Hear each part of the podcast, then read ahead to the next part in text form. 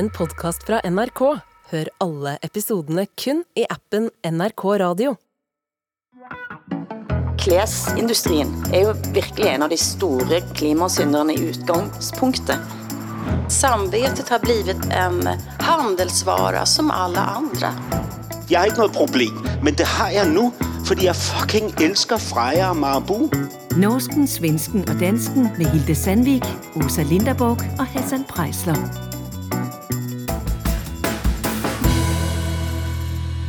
Altså, hva skjer? Det er sæsonens sidste pan-skandinaviske familieterapi, og for min egen del, så vet jeg ikke helt om det er så smart, at jeg ikke skal ha terapi denne sommeren. Men hvordan går det også? Eh, Jag var på en eh, terapifest kan man säga i helgen som gick. Det var helt eh, väldigt speciellt. Eh, Bengts äldsta kompis, eller en av de äldsta kompisarna, fyllde 60 år. Och det firade han tillsammans med sin fru som han ska skilja sig ifrån. Så att de hade en skilsmässofest. Oj! Och det var fantastiskt. Det var otroligt eh, framtidsinriktat, vänligt. Väldigt svensk. Mycket dans. Det var, det var en riktigt, riktigt bra fest. Ja. Jeg synes, det lyder fantastisk. Altså, øh, næste gang jeg skal skilles, så vil jeg holde en fest. Ja, det, nej, det, du skal først giftes. Ja. Men, men hvordan har du det, Hassan? Du har haft Øh. bursdag og gratulerer. Tak. Vi har alle sammen fødselsdag i, øh, i mit hjem den samme uge. Altså min datter, min kæreste har samme dag, og jeg har to dage forinden. Den eneste, der ikke holder fødselsdag i den uge, det er Mogens, som har i april måned.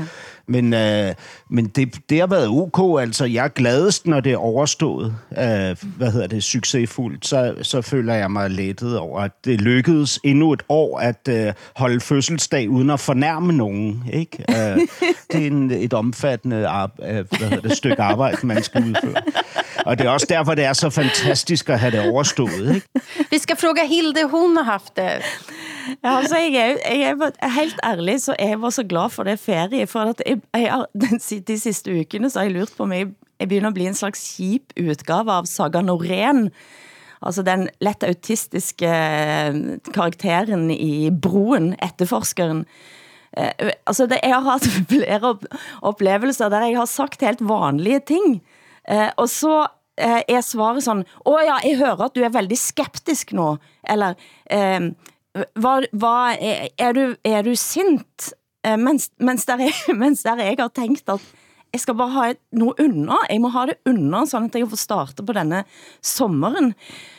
Og det har været lidt sådan, okay, er jeg, jeg begyndt at bli et sånt menneske? Men så, men så blev jeg faktisk beroliget, for at denne uken så var, ville det have været 100-årsdagen, 13. juni ville det have været 100-årsdagen til Mia Berner, som er en, eh, en dame, som døde for nogle år siden, um, eh, filosof og poet og, og, og så videre, bodde storparten av sitt liv i Sverige, var gift med Sven Øste længe, eh, men med, så med Pentti Sarrikovski før hun flyttede til Norge. Og jeg, jeg vet, jeg har sagt det før, at, når, jeg- at hun er kanskje mitt eneste forbilde. Eh, denne damen, som altså, når, da hun mister sin mand, sin finske kæreste, de bodde på Kjørn eh, utenfor Göteborg, så klædde hun sig i rødt og sa at rødt skal være sorgens farge. Og så havde hun altså, he, altså alt var rødt. Hun havde en rød krykke, rød briller, rød klær. Men så havde hun også en enorm appetit på liv og lyst og snak. Eh, og da Knut Olav Åmås, som er direktør i Fritt Ord, og en av arrangørerne for denne 100-årsmarkeringen da, snakker, så kaldte han henne for en åndelig vampyr, og det tænkte jeg var et sånt... Man kan gå ifra at være kanskje lidt sådan knapp til at bli en åndelig vampyr. Og hennes krav, og det havde jeg bare tænkt at ta op her, for det tænkte jeg næsten kan bli et sådan motto. Hennes krav til intellektuel, skal jeg ikke sige at jeg er intellektuel, men kravet likevel kan være sabla våkenhet, som altså ikke var noget woke, mot, eller sisu, på det finske sisu, og en veldig integritet. Og det tænkte jeg er en sådan, ah, ja, denne damen her. Så da, det var på en måte det der møte med liksom Mia Berner, Mia Berners tekster, og den hun var den gangen, og sådan, det gjorde, at jeg kan, kunne holde ut den sidste uken før jobb. og så må jeg bare sige til absolut alles prøver at få tag i mig de næste ukene. Bare ikke gør det. Bare vent. Vent lidt, før dere prøver. Ja, Sådan har jeg haft altså uh, Hilde, uh, Åsa og jeg kan jo afsløre en hemmelighed nu, hvor det er sidste program inden sommerferien. Altså, vi har jo planlagt uh, bag om din ryg, at vi vil vinde dig over til den mørke side. Altså, uh-huh. at, at du skulle hengive dig til pessimismen sammen med os. uh, og og vi, vi føler jo på en måde, at vi lykkedes med vores projekt, og det, det er jo det, lytterne reagerer på nu. Ikke? Lytterne, lytterne er angst, fordi at du uh, ikke længere har din uh, optimisme. Ikke?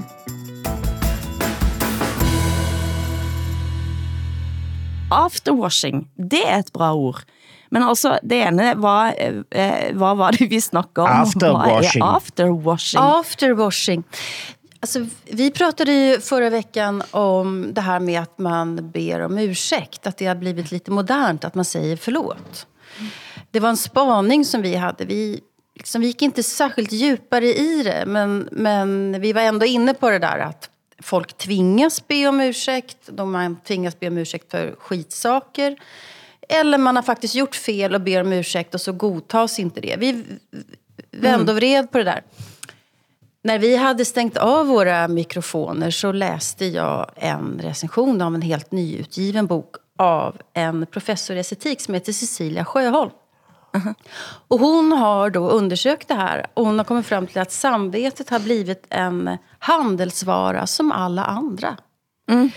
Eh, lite det som, som vi var inne på, att det är någonting man liksom kan betala med sitt samvete eller med sin ursäkt eller, eller sådär. Eller att man tvingas också till att betala någonting som man kanske egentligen inte tycker att man ska behöva göra. Och det tyckte jag var intressant. Och det, det där, det där eh, kliver ju in, eller det perspektivet, det har ju att göra med väldigt mycket i vår tid. Ehm, de som flyger mycket köper eh, utsläppsrätter till exempel. Eh, och så är det deras ursäkt, de, det är deras samvete och då betalar de liksom av på sitt samvete med det där. Då är ju samvetet en handelsvara plötsligt. Och så, det finns väldigt många sådana exempel. Och ehm, den här veckan så har Aftonbladet haft ett, ett avslöjande som har fått stor uppmärksamhet. Och det är... Så, det handlar om Hennes och Maurits klädfirma. Ja, sant. Att man... Den jag læste jeg. Den var, den var ganske urovækkende, for at sige Ja, det visst var den det. Och då tänkte jag på min mamma. Min mamma var en av alla som lämnade in gamla kläder till Hennes och Maurits. Eh, med hopp om att de här kläderna skulle återvinnas. Eh, att någon, någon som behövde dem bättre skulle få dem. Och det här skulle liksom spara på klimatet och så vidare. Och, eh, och hon gjorde ju det och samtidigt så dövade hon lite sitt eget samvete om hon köpte kläder också då. Ja, nettopp. Ja. Eh, men nu har det visat sig att eh, Aftonbladet har gjort ett test. Man har eh, satt på 10 airtags på 10 plagg. Och följt de här kläderna runt om i världen. Helt rena, fina kläder. Vi har nu köpt 10 hm plagg från second hand-butiker här i Stockholm och utrustat dem med airtags så vi ska kunna spåra var de befinner sig i realtid. Och vi kommer nu lämna in de här kläderna i H&M's butiker för att se var de egentligen tar vägen. Och de har flugit flera varv runt jorden. De dumpas i tredje världen. De skickas med långtradare, flyg och båt.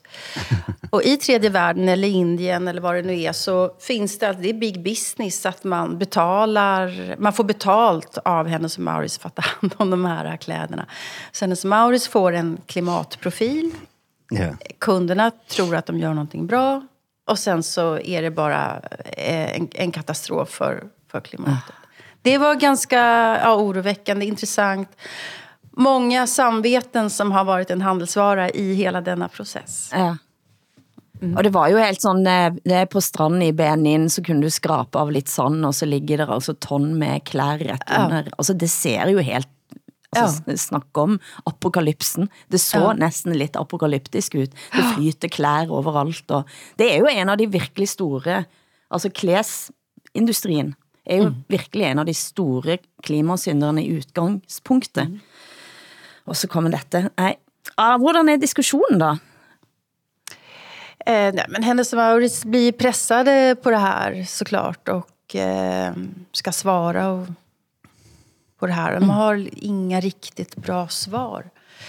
Jag tyckte det var ett spännande journalistiskt grepp också vad man kan göra med den här nya tekniken. Mm. Att man faktiskt kan sitta här i Stockholm och följa eh, kläder, hur de far runt över hela världen.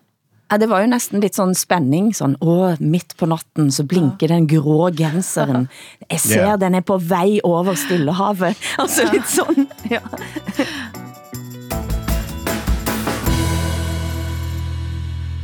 Hassan, eh, denne uken så har det altså været eh, premiere for en dokumentar på Netflix om Helle Thorning-Schmidt. Ja. Yeah. Deres tidligere statsminister.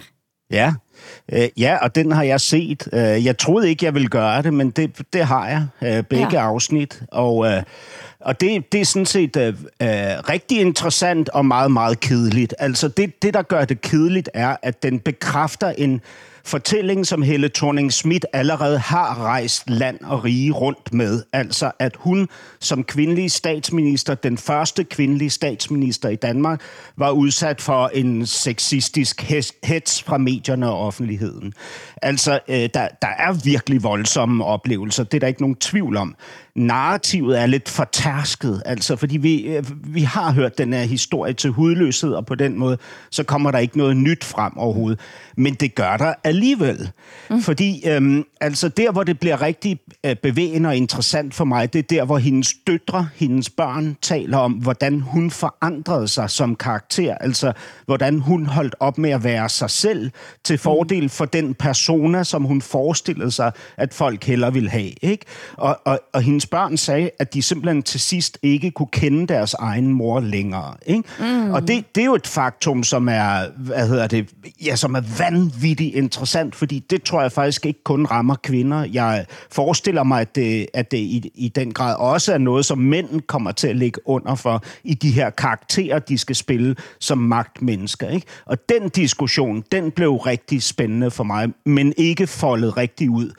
Og så var det selvfølgelig virkelig, virkelig øhm, interessant at øh, opleve, at den, der faktisk aller voldsomst forsøgte at underminere Helle thorning Schmidt, var Mette Frederiksen, mm. vores, vores nuværende statsminister, ikke? som først da hun blev fra, forfremmet til justitsminister, faldt til ro i sin kritik af af Helle thorning Schmidt. Ikke? Og Mette Frederiksen har heller ikke ønsket at medvirke i den her dokumentar. Ikke? Mm. Jag läste Helle thorning Schmidt, alltså en, säga för de som har glömt bort, socialdemokratisk eh, statsminister och partiledare. Ja. Jag läste hennes bok därför att jag träffade henne på bokmässan i Köpenhamn för något år sedan. Och, eh, Eh, och det, var ju, det var ju alldeles förfärligt att och, och läsa de här eh, väldigt, väldigt övertygande eh, exemplen på hur medierna har behandlat henne, verkligen sexistiskt. Och hur man har gått in på hennes lyxkonsumtion och hennes kläder. Och att det blir extra pikant därför att en socialdemokrat ska inte klä sig sådär dyrt och flott och sådär. Men jag funderar på det här med Mette Fredriksen. För var det så att Mette också var sexistisk. För jag menar, annars måste ju en kvinna måste väl kunna kritisera en kvinna i regeringen. Alltså en vanlig intern maktkamp eller politisk mm. uppgörelse, det måste, väl, det måste väl kvinnor också kunna ägna sig åt. Helt klart. An, alltså. annars, så, annars, så blir ju, annars så blir ju sådana som Hilda och jag och alla andra kvinnor, vi blir väldigt, väldigt kringskurna och handikappade. ja. Det är en virkelig mm. god pointe. Ja, ja. Det, det förstår jag. Och det, det, alltså, den pointe mm, er, er jeg nok lidt blind for, ikke? Fordi jeg tænker, at uh, Mette Frederiksen uh, umiddelbart skal illustrere en loyalitet over for den her første kvindelige statsminister, ikke? Men det, det der fattar um, inte jag. Nej, nej, jag, det förstår jag. Jag förstår inte sådana tankegångar, att jag nej. måste vara lojal mot en person for at Nej, hun men det er det, jeg prøver at, sige. kvinde den første ja, på den her. det er det, jeg prøver at sige, at det, mm. det aspekt var jeg blind overfor. Mm. Ja. Ikke? Så det er en god pointe, helt sikkert. Det, som uh, Helle Thorning-Schmidt oplever fra Mette Frederiksen, er ikke direkte sexisme, men det er, altså, det, det er det er bagtaleri, altså under, underløben, at hun simpelthen bliver undermineret, øh, altså uden at, at vide præcist, hvor det kommer fra, ikke? og uden at forstå øh, indholdet af, af, den her, øh, af det her forsøg på at pille hende ned, ikke? fra Mette Frederiksens side.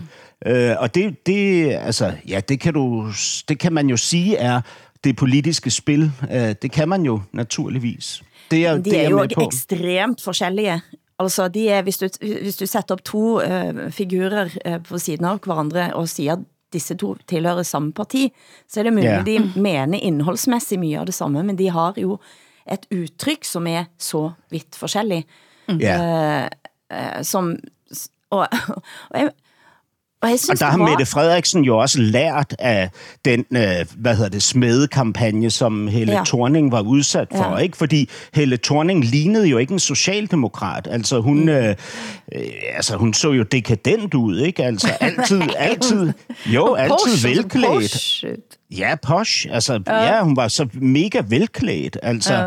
og blev kaldt Gucci-helle og, og, og, ja. øh, og Vuitton-socialisten Men du sa att hon og, såg og beautyboxen. dekade, dekadent ut, sa du det? fa- det var ju det ja. hon inte gjorde. Alltså dekadent. Jamen, Nej, for- men, jo, men, men For en eh, lov socialdemokrat, ikke? at, eh, For, for, en, for en klassisk dansk socialdemokrat ja. ser hun jo ekstremt dekadent ud. Ikke? Li- Lige nu taler jeg ikke om hende som kvinde, jeg taler om hende som socialdemokrat. Ikke? Mm.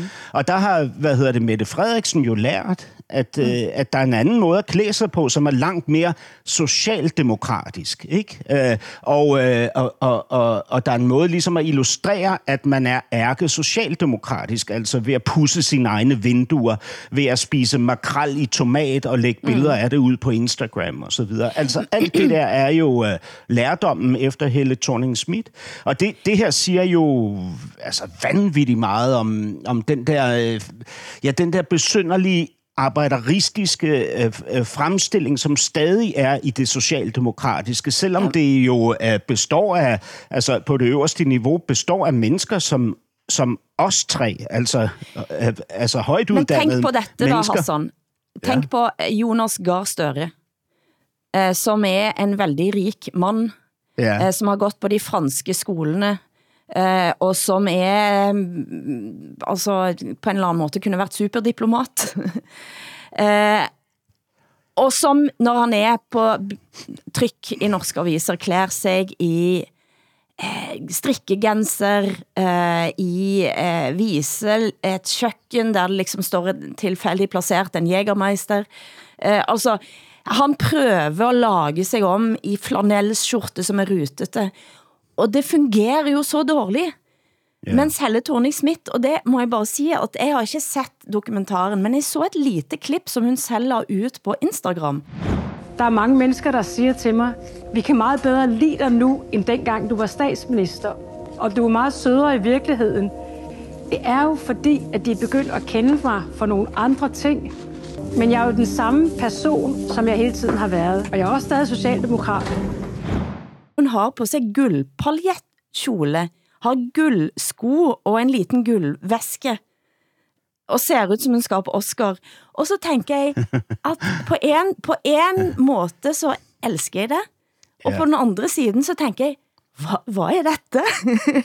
altså, men for det- er men- noget, noget sådan, det er det Ja. tvært, det, det modsatte av det en mand som Jonas Gahr prøve, Støre prøver Ja, sig ja. på, med at ta på sig en flanellskjorte som er rutete.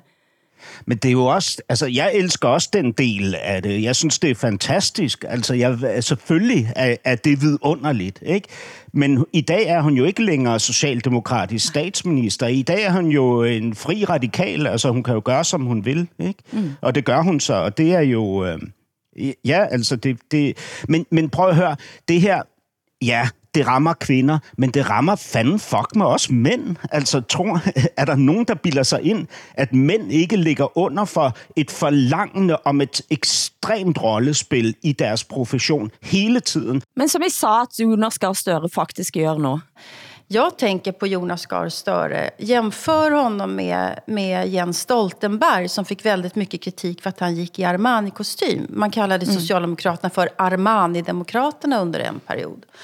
Och då kan jag förstå att, att Gahr Støre vill klä sig på ett annat sätt. Men om det inte bottnar i honom så blir det ju ett problem. Och då kan man ju jämföra med Erna Solberg, den här ikoniska bilden när hon står och stryker i sitt kök. Och det är taxfree sprit i bakgrunden, det är furuluckor. Det ser ut som verkligen ett kök från vanligt folk. Man kan inte fatta att det här är Höjres eh, partiledare och statsminister. Det är fantastiskt iscensatt, men det var också djupt på riktigt. Så här har Ja. hon det.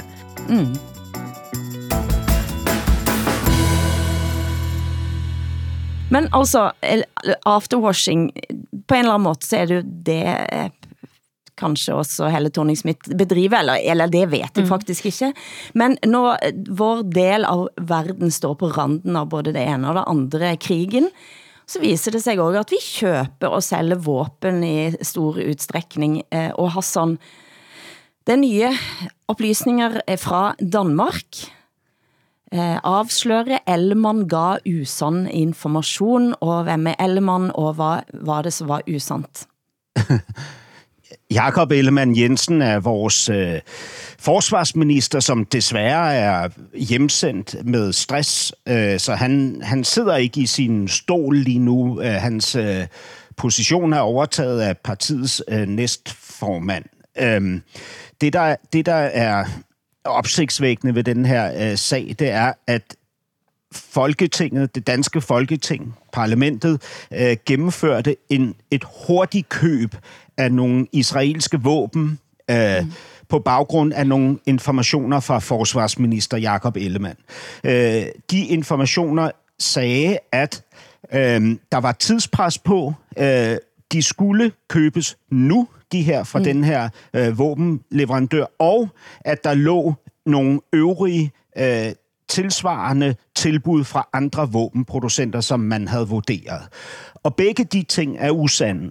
Der var mm-hmm. ikke noget tidspres, og der lå ikke andre øh, tilbud, i hvert fald ikke øh, øh, tre tilbud, som der skal ligge fra andre producenter. Ikke?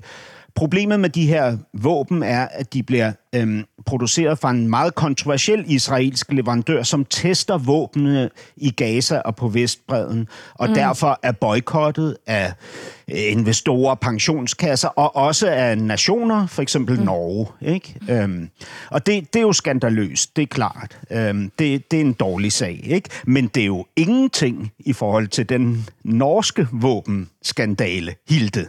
Ja, nej, for det er jo samtidig som vi satt her og snakket om Qatar og boykott og, og i det hele tatt, så købte, altså så eksporterte norsk forsvarsindustri våpen og militært materiale og tjenester for totalt 8,9 milliarder. 2,3 milliarder kroner eh, eksporterte, eksporterte en våpen for til Qatar.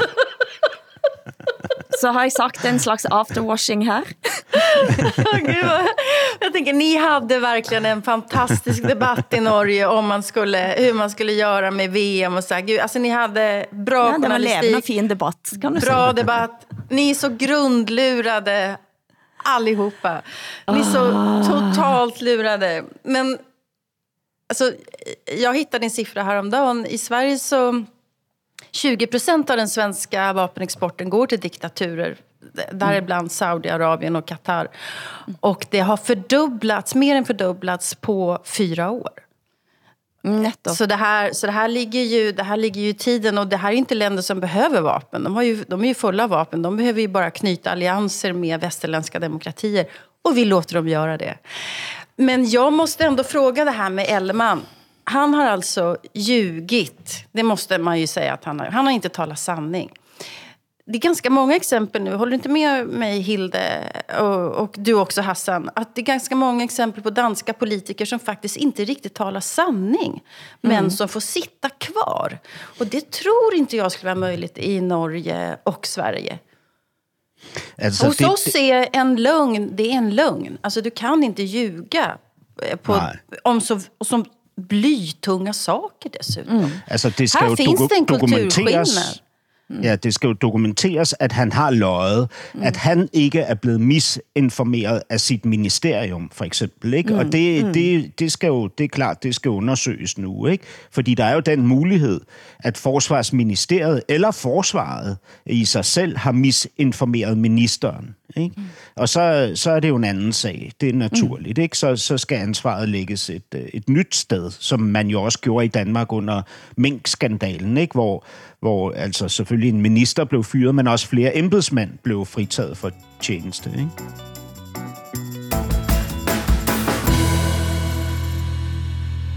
Men altså samtidig som det da er kriger, og vi sitter her og snakker og, og, og er enige om, om, om hvor vi bør sætte ind støtte, så kom det for en dag her nylig en stor, veldig god artikel i Dagens Næringsliv, at altså, vi har sanktioner, masse sanktioner mot uh, Rusland, uh, skal ikke købe olie fra Rusland, Samtidig så sælger altså masse europæiske tankskipejere dårlige gamle tankskip til selskab, som går i skytteltrafik for at hente russisk olie og ligger uden for internationalt farvand, og hælder da olien over fra et tankskip til et andet tankskip, og dermed er det ikke russisk olie.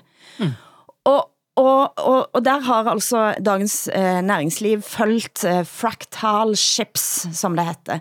Eh, og det er da altså stor, mange tankskip som er købt for dyre penger, og nogen påstår der, at det er faktisk umuligt at, at lægge så mye penger på bordet, uden at det står en stat bak. Eh, og, og Rusland har sagt, at de skal bruge 17 milliarder eh, dollar på at købe den, altså for at få liksom russisk olje ut, ut i, i verden.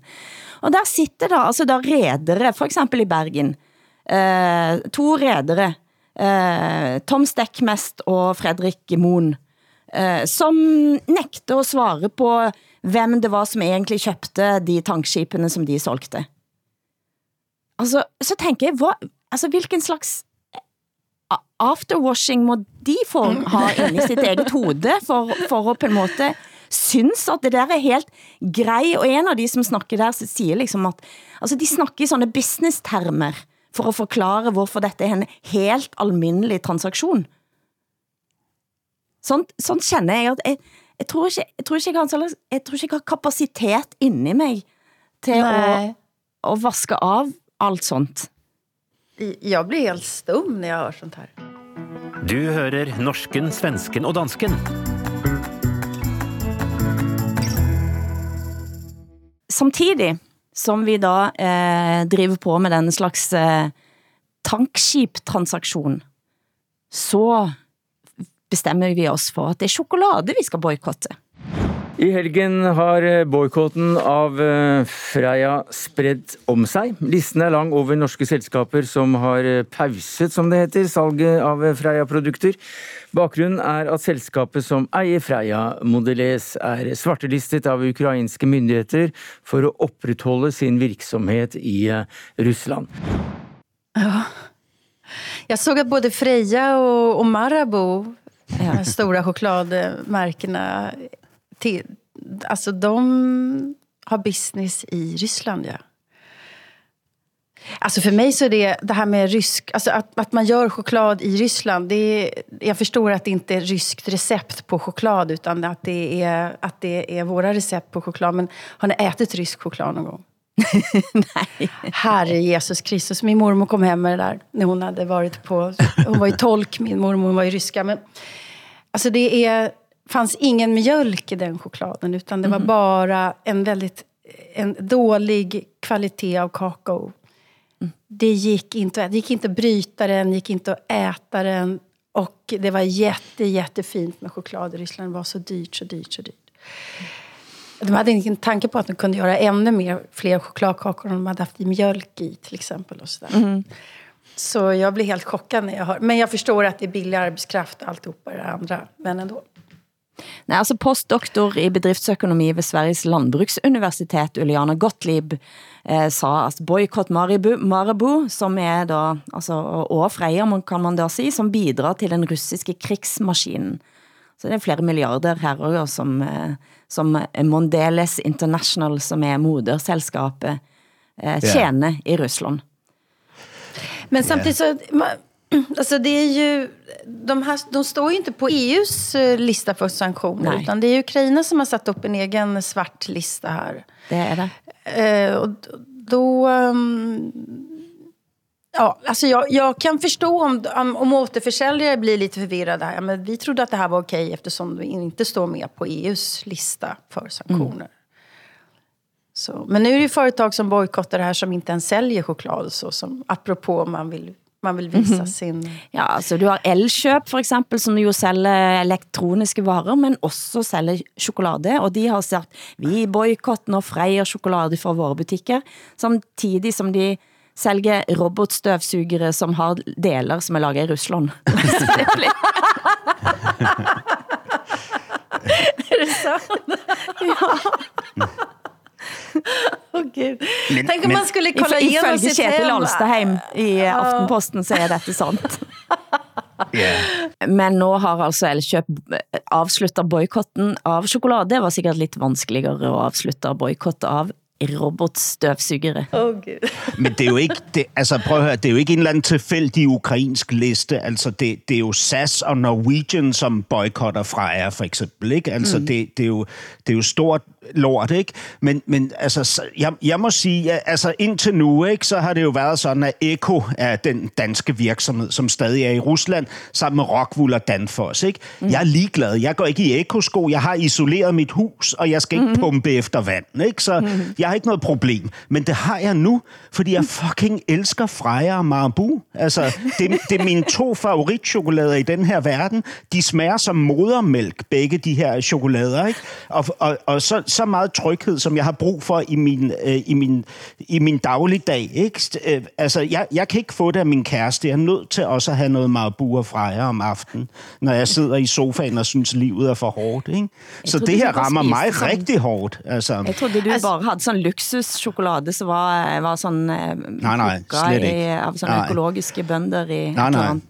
Og det, men, men, men, men bare lige for at afslutte, det her involverer jo ikke kun øh, Mondelez. Altså det her involverer jo den norske oliefond og Nordea, som har Ja, ja, investeret stort i det her. Masse, ikke? flere milliarder. Ja. Mm. Men det som nordmænd får problem med, er at man tror jo i Norge at eh, Freia chokolade er et lite stykke Norge, som, som det heter i, i reklamen. Det er selvfølgelig. Ja, det, og, og, og dette er jo den ikonisk chokoladefabrikk som er grundlagt eh, i 1889 av Fredrik Christensen og Olaf Larsen på Rodløkka i Oslo. Dette er en sånn lang historie, sant? Eh, Og fabrikken er fortsat i drift over 100 år etterpå. Og nå er jo selvfølgelig arbejderne ja, både redde og føler det ekstremt uretfærdigt, at det er de, som skal tape på, på denne samvittighedsjobben, da, sant?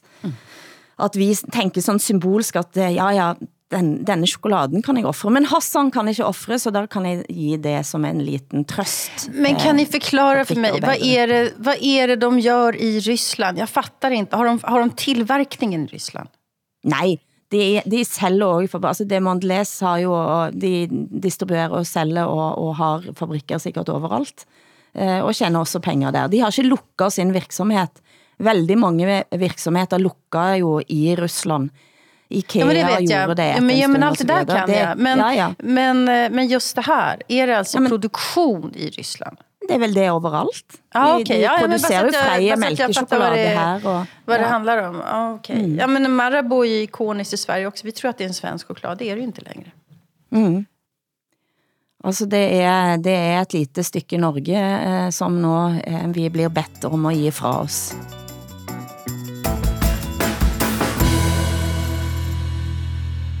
Vi har holdt oss i Danmark og Norge, men eh, også, eh, dere har hatt altså et år, en av årets mørkeste døgn i den lyseste tid. Hvad skal man sige? Hvor mange blev dræbt på sist helg? Eh, senaste helgen så var det sju, tror jag, som dog. Og på fall- døgn? Mm. På ett dygn, ja, jag tror det. Eh, det mest spektakulära var ju händelsen i Farsta. Eh, centrum som ligger utanför eh, Stockholm här. Stockholm city. Ehm, eh, där var eh, alltså folk var på torget och handlade som vanligt. Och sen så är det en bil som kör upp. Klockan är sex på lördag eftermiddagen. Och eh, en man kliver ur den här bilen och skjuter bara rätt in. Mm. En 15-årig pojke dog. En eh, fotograf som eh, var på besök från Eskilstuna dog. En kvinna blev skjuten i benet. Mm. Och sen så sätter, de, sätter han sig bara i bilen och den kör iväg. Och de här två männen i bilen, han som sköt, är nu häktade. Så att polisen tog dem väldigt snabbt. Men det här är ju en sorts eh, våld som... Eh, som eh, det är ju ovanligt faktiskt, även, alltså, även internationellt sett så är det ju, det är ju helt exceptionellt. Och mm. eh, det blir väldigt höga brösttoner då bland politikerna och alla skyller på alla trots att eh, det här är en utveckling som konsekvensen av en utveckling under väldigt många år där alla på ett eller annat sätt är ansvariga. Eh, så ja, mm. Det, det, det, är liksom, vi tror, det var väldigt många som röstade bort den här eh, socialdemokratiska regeringen i förra hösten därför att, eh, på grund av den här frågan. Och nu så sitter den här nya regeringen i precis samma skitsituation. Mm. Skitsits. Ja. Hassan, vad ska vi se? Jamen, jamen, som jeg forstår det, så er det kun 8 procent af svenskerne, som mener, at landet går i den rigtige retning. Ikke? Ja. Og, og mm. at, at 3-4, altså 34 procent, øh, mener, at, at, at fremtiden ser rigtig mørk ud, og de 34 procent opgiver øh, kriminalitet, bandekriminalitet og skyden, skydninger mm. som øh, hvad hedder det, den soleklart største grund til, at svenskerne har mistet troen på livet mm. og, og deres land. Ikke? Mm. Og det, det var jo en undersøgelse, som Dagens Nyheter præsenterte nå nylig. Ja. Mm. Altså, det er jo... Øh, Ja, det, som är, det som är skillnaden här nu, tidigare så, så hände ju de här um, gängkriminaliteten drabbade, det var uppgörelse inom gängen. Men nu en, en restaurang på samma gata där jag bor här på Södermalm sprängdes ju. Eh, mm. För inte så himla länge sedan. Eh, en portuppgång här på Södermalm där jag bor. Alltså den progressiva medelklassen bor ju här. Sprängdes. Eh, och nu en, en skjutning rätt in i Farsta centrum. En, en sommar, sommar eftermiddag. Det är, det är någonting annat. Och då kryper det här våldet närmare oss allihop. Mm. Det är, och det också ger en bild av Sverige som jag tror att väldigt många svenskar så här, lite skäms över. Liksom. Att, att uh, det, här är, det, det här är det man förknippar Sverige med nu, mm. utomlands. Du, hver gang vi snakker om dette også, så tænker jeg på den latterliggøringen, som uh, svenskene havde over for Donald Trump. Ja, Når han stod og sa... You look at what's happening last night in Sweden. Sweden Who would believe this? Sweden. Og, altså, og, og kommentatorer i svenske aviser kunne ikke ledd nok av denne idiotiske mannen. Ja, från höger till vänster ska jag säga. Ja. Alltså ja, alla ja, tyckte... Ja, ja, och han, han hade som väldigt otur Donald Trump att just den kvällen när han skulle ta Sverige som ett exempel. Just den kvällen hände faktiskt ingenting. Ja, sant. Den eh, eneste av Och sen dagen därpå så var det två mord. Ja, den ja, nej. Ja. Øh, mm. Jeg har læst den danske forfatter og debattør Carsten Jensens kommentar til øh, mm, øh, i en svensk avis. Den kommentar til, øh, ja, til den her mm, udvikling, som Sverige ligesom er igennem. Ikke? Altså, Carsten Jensen savner jo i den grad det gamle Sverige fra før Øh, der ligesom skete den politiske forandring som reaktion på, på netop det her problem, som vi skildrer her. Ikke? Altså, Carsten Jensen, han siger, øh, bliv igen de, de enestående eneboere. Et samlende, lysende midtpunkt som for alle, som fortsat tør håbe på en bedre verden. Kom igen, Sverige. Jeg ved, at I kan. Mm. Ikke? Og jeg må sige, når jeg, når jeg læser den udtalelse, så, så tænker jeg sådan, øh, jamen hvad er det, Carsten Jensen ligesom ønsker, at svenskerne skal ofre? Altså, hvilket øh, offer er det, han forlanger af, mm. af vores broderfolk ikke? på det her... Øh, Jamen, altså på, på, på den her øh, skueplads, ikke, som jo er så brutal. Altså, han mener for enhver pris skal svenskerne holde fast i den klassiske svenske humanisme, uanset hvad der så end sker, Altså, ikke? Faktum är att... eh, Ja, undskyld, Hassan. Nej, jeg vil bare lige konkludere på det her. Det Ah. sidste, jeg vil sige, var bare, at i det, Carsten Jensen siger, Carsten Jensen, som jeg i øvrigt kender og, og godt kan lide, ikke? det han siger, illustrerer for mig en form for folkeforagt, altså, eller demokratiforagt, altså en, en arrogance, en ligegyldighed over for svenskernes øh, oplevelser, følelser og virkelighed. Ikke? Ikke minst virkelighed. Ja. Ja, Det alltså, overrasker. Ja, verkligen. Alltså jag, måste, jag respekterar också Karsten Jensen på många sätt, men jag blev, jag blev sint. Jag blev förbannad när jag läste den här eh, texten. Jag orkar inte läsa såna här sentimentala, moraliserande haranger om hur det, hur det är i Sverige. Eh, av någon som aldrig har bott här. Han har ingen aning om hur det är att, att bo i Sverige. Och han, han målar upp ett Sverige som verkligen var det här gamla Sverige som faktiskt Sverigedemokrater längtar sig tillbaka till. Alltså när Palme var, var stor och när Astrid Lindgren liksom påverkade oss allihopa hur vi skulle tänka. Han drar upp Ingmar Bergman och alltihopa det där. Det är ett gammalt Sverige med en helt annan demografi, med en helt annan ekonomi. Och jag förstår inte dels vad han längtar tillbaka till och dels vad han... Eh, eller det kan jag förstå att han längtar tillbaka till. Men Sverige är ett helt annat land. Och att säga att man ska kunna gå 50 år bakåt i tiden, det är precis det Sverigedemokraterna faktiskt också fantiserar om. Och vad han har missat, Karsten Jensen, det är att under den tiden som han drömmer tillbaka till, då hade Sverige en restriktiv invandring. En restriktiv invandring. Och alltså det som han, det har han inte fattat. Och Olof Palme satt faktiskt och gav intervjuer om att de som bor här i Sverige ska assimileras. Det, det, var- alltså, så att det, har, det är en historieskrivning som har blivit väldigt förvrängd. Från både en humanist som Karsten Jensen till sverigedemokrater eller högerpopulister på andra sidan. Så har vi idéer om vad Sverige en gång var och vad Sverige är idag. Och ingenting av det här stämmer, skulle jag säga från, min, från mitt perspektiv. Men man Djupt kan provocerande. Te- Djupt provocerande. Det är lika provocerande när svenskar skriver texter om hur det är i Danmark. Kom igen, Danmark. Nu måste ni bli... Vi, vi har ju så här Karsten Jensen-aktiga texter härifrån också. eh, lika dumt. Jag, skulle aldrig sk- jag har blivit tillfrågad att skriva sådana texter. Jag säger nej varje gång.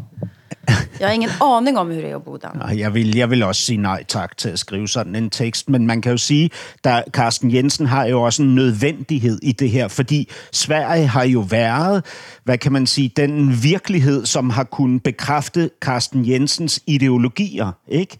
Uh, når, når Carsten Jensen stod og lagde sig ud med Dansk Folkeparti, så kunne han sige, jamen prøv at se på Sverige, det går mega mm. godt i Sverige, ikke? Og så rejste han jo derover og fik sat medaljer på brystet, ikke? Ligesom øh, kommunisterne i andre veststater tog til Venezuela eller Cuba, ikke?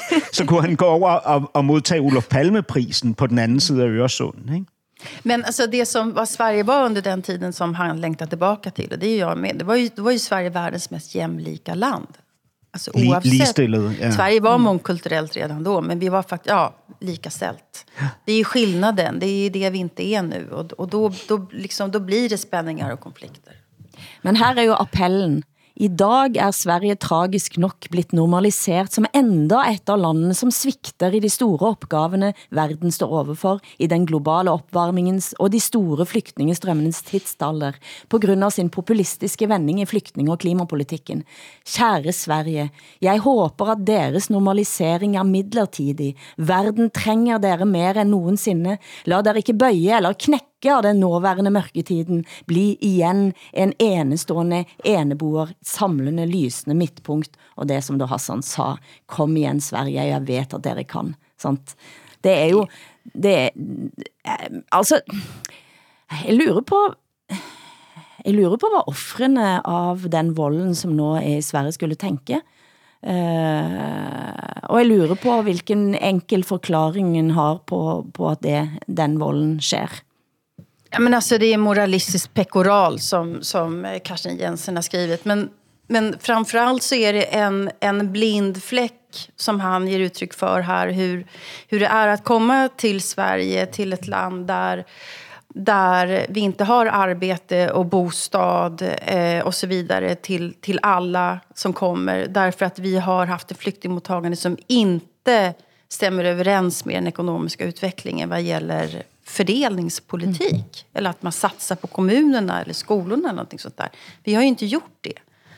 Så man, man kan inte skriva såna här pamfletter som Karsten Jensen gör utan att titta på hur har den svenska ekonomin skötts mm. under de här perioderna. Hur ser det ut?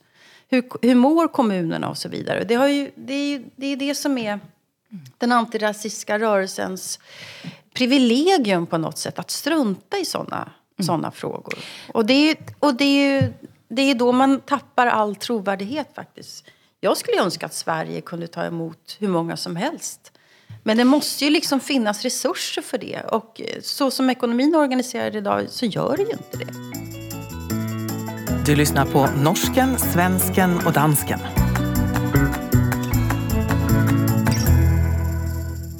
Men jeg må innom en sak, Hassan, fordi du har så mange gange sagt, at du drev og læser Tove Ditlevsen. Og så har jeg hørt mellem linjerne, når du har snakket, at du på en eller anden måde forventer, at det kom en ny historie rundt Tove Ditlevsen, som ville se henne i et andet lys. Og nå er den historien på bordet man ja, sige. Ikke, ikke helt så øh, direkte, som jeg havde forestillet mig, at den ville være. Altså, den uh, historien uh, handler om, at, uh, at Tove Ditlevsens barnebarn uh, har skrevet en bog, som hedder Tove Ditlevsen var min mormor. Den udkommer nu her uh, i dag. Uh, og uh, og den, uh, i den konkluderes, at... Uh, at Tove Ditlevsens øh, barn øh, var øh, steddatter. Øh, øh, Tove Ditlevsens datter var udsat for øh, seksuelle overgreb fra Tove Ditlevsens mand, chefredaktøren på Ekstrabladet, Victor Andreasen, da hun var 15 år, pigen. Ikke? Mm. Øh, og at, øh, at der nok er en del indikationer på, at Tove Ditlevsen vidste det her. Altså hun var klar over, at det foregik. Ikke? Blandt andet så skriver hun et brev til sin øh, datter, mens hun er hos sin far i Esbjerg. Skriver hun, jeg længes efter dig som din mor, men som rival inde kan jeg godt undvære dig. Ikke? Ja. Og, øh, og så ser man også, at uh, Tove Ditlevsen jo som skribent på familiejournalen øh, svare på øh, en del spørgsmål. Et af dem gik viralt. Et af de svar gik viralt for et par år siden, hvor en 34 kvinde, 34-årig kvinde spørger om hjælp, fordi hendes mand har forsøgt at voldtage hendes 13-årige datter. Mm. Og der skriver Tove Ditlevsen altså, jeg kan ikke se, hvad, hvem det skulle gavne, at de melder deres mand til politiet. Det er jo unægteligt en meget kedelig affære. Det er dog ikke ualmindeligt, at stedfædre bliver fristet over evne, når de bor under under tag med sådan en mm. teenage-pige. Ikke? Åh, oh, herregud. Ja, mm. øh, og det, det er jo, ja, Ja, det var en anden tid. Den store forfatteren Tove Ditlevsen. Ja, som det var en anden tid, og alle mulige ting. Ikke? Og jeg, jeg er jo kæmpe fan af Tove Ditlevsen mm. og hendes litteratur. Det är en enorm läsupplevelse. Jag tänker, det lagas ju nu en, en tv-serie i fyra eller fem delar om Tove Ditlevsens liv. Eh, det här är ju saker som de vill inte ha hunnit få med sig då. Nej, og der, der har lige været premiere på en film om Tove Ditlevsen, mm. ikke? som Paprika Sten spiller øh, hovedrollen Aha, i. Ikke? all right. Og mit navn det er Tove Ditlevsen. Bedst sælgende danske forfatter siden Karen Bliksen og deres øh, dramatiske ægteskab er skildret, mm. men denne her del er, er endnu ikke med. Og Tove mm. Ditlevsen bliver jo altid illustreret som offeret for de mænd, hun var sammen med, hvilket hun også var. Men mm. hun var jo også et, et voksen menneske og mor til sine børn, ikke? som jo i sidste ende blev måske de største ofre i den her øh, sammenhæng. Ikke? Mm. Og, og, og kan man så sige, kan man så, hvad hedder det, drage Tove Ditlevsen øh, til ansvar for det, det, det, det, det ved jeg ikke noget om, men det er jo, det bliver jo frygtelige og også interessante diskussioner, der kommer her.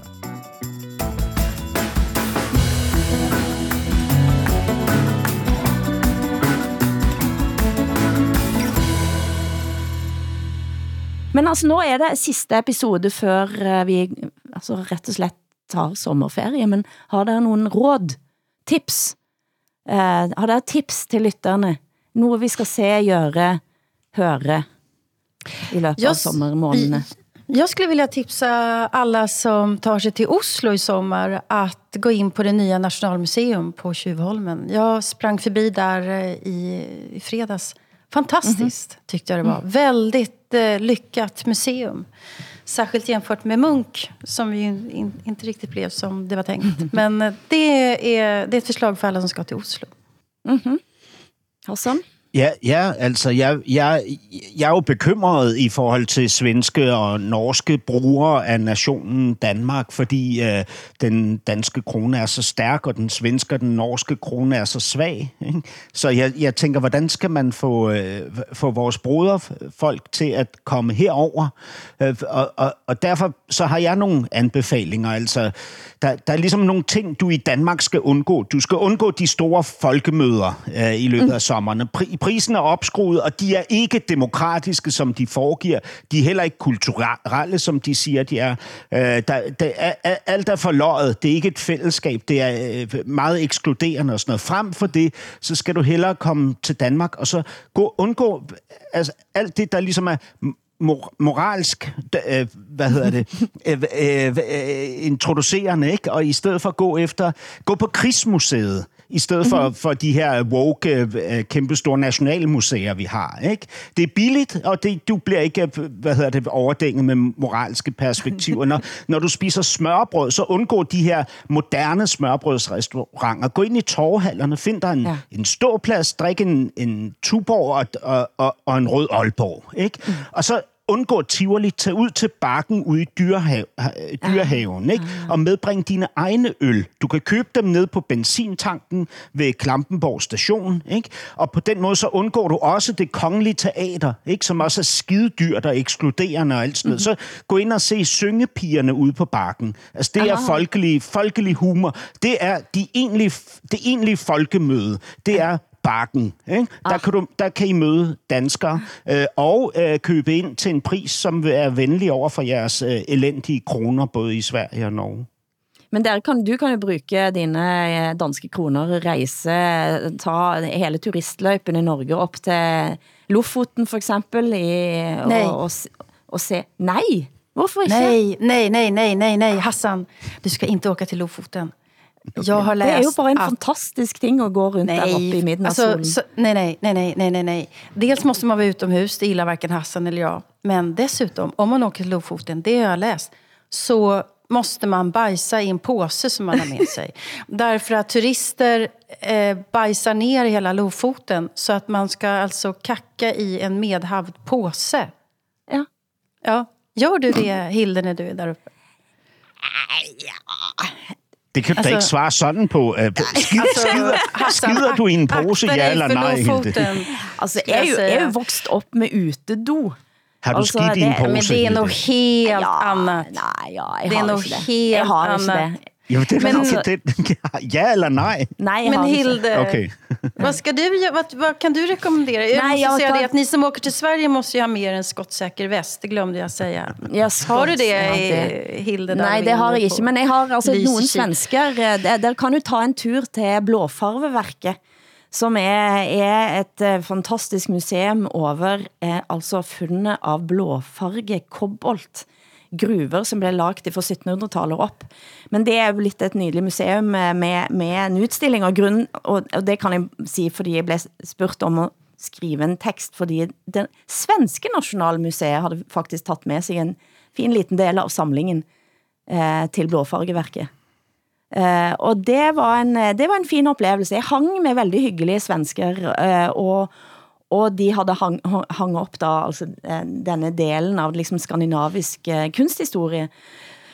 Og så er det samtidig en, en helt vanvittig industrihistorie. Men ellers er det, altså jeg har bare tænkt at læse bøger. Jeg skal med, ha med mig eh, Niviak Corneliusen, Blomsterdalen, eh, som jeg skal læse faktisk. Jeg skal, jeg skal kunne gøre sådan ting i sommer. Og ikke være på noget folkemøte, ingenting. Ingen, jag eh, heller.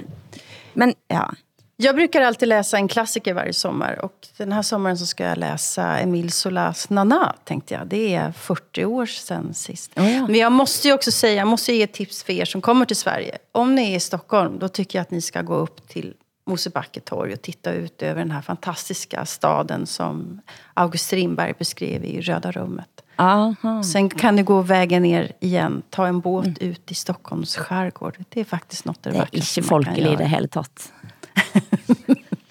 Det både Jeg lurer på, skal vi gå ut på noe folkelig? Dette er en slags ønskereprise. Jeg lurte på om vi skal gå ut på at Hassan eh, Preisler synger Kjerringer med staven. Hvor- Hvorfor? Hvorfor? Fordi at jeg fandt det tilbake igjen, og det var altså så vakkert. Et lite stykke Norge. Det, det ved jeg ikke. Så vi kan gå ut på at Hassan synger Kjerringer med staven. Nej, Inden i det, sommervarmen. Jo, nej da, det altså stakkels lyttere, lad dem dog gå sommeren i møde med noget, der er behageligt for øregangene. Nej, ja, for, nej, nej, nej, nej. Det, de, skal, de skal ønske, og de skal savne os, de skal høre dette igjen og savne os, Hassan. Det er målet. Kjerringer med staven, højt op i Hokkedalen, otte potter med fire mærkesmøs og skinnet kariola hatte før. Kjerringer med staven, højt op i Hokkedalen. Sand. Producent har været Eskil Paus, tekniker Hans Christian Heide. Tak til Åsa Linderborg i Stockholm, til Hassan Preisler i København. Og jeg, Hilde Sandvik, sitter altså i Lingodde i Brastad i Sverige. Programmet er produceret av både og for Broen XYZ, for NRK, SR og DR, der redaktør for programmet er Ole Jan Larsen. Vi høres igen over sommeren. Men husk at du kan høre på gamle episoder som ligger ute i SR Play, DR Lyd og NRK Radio.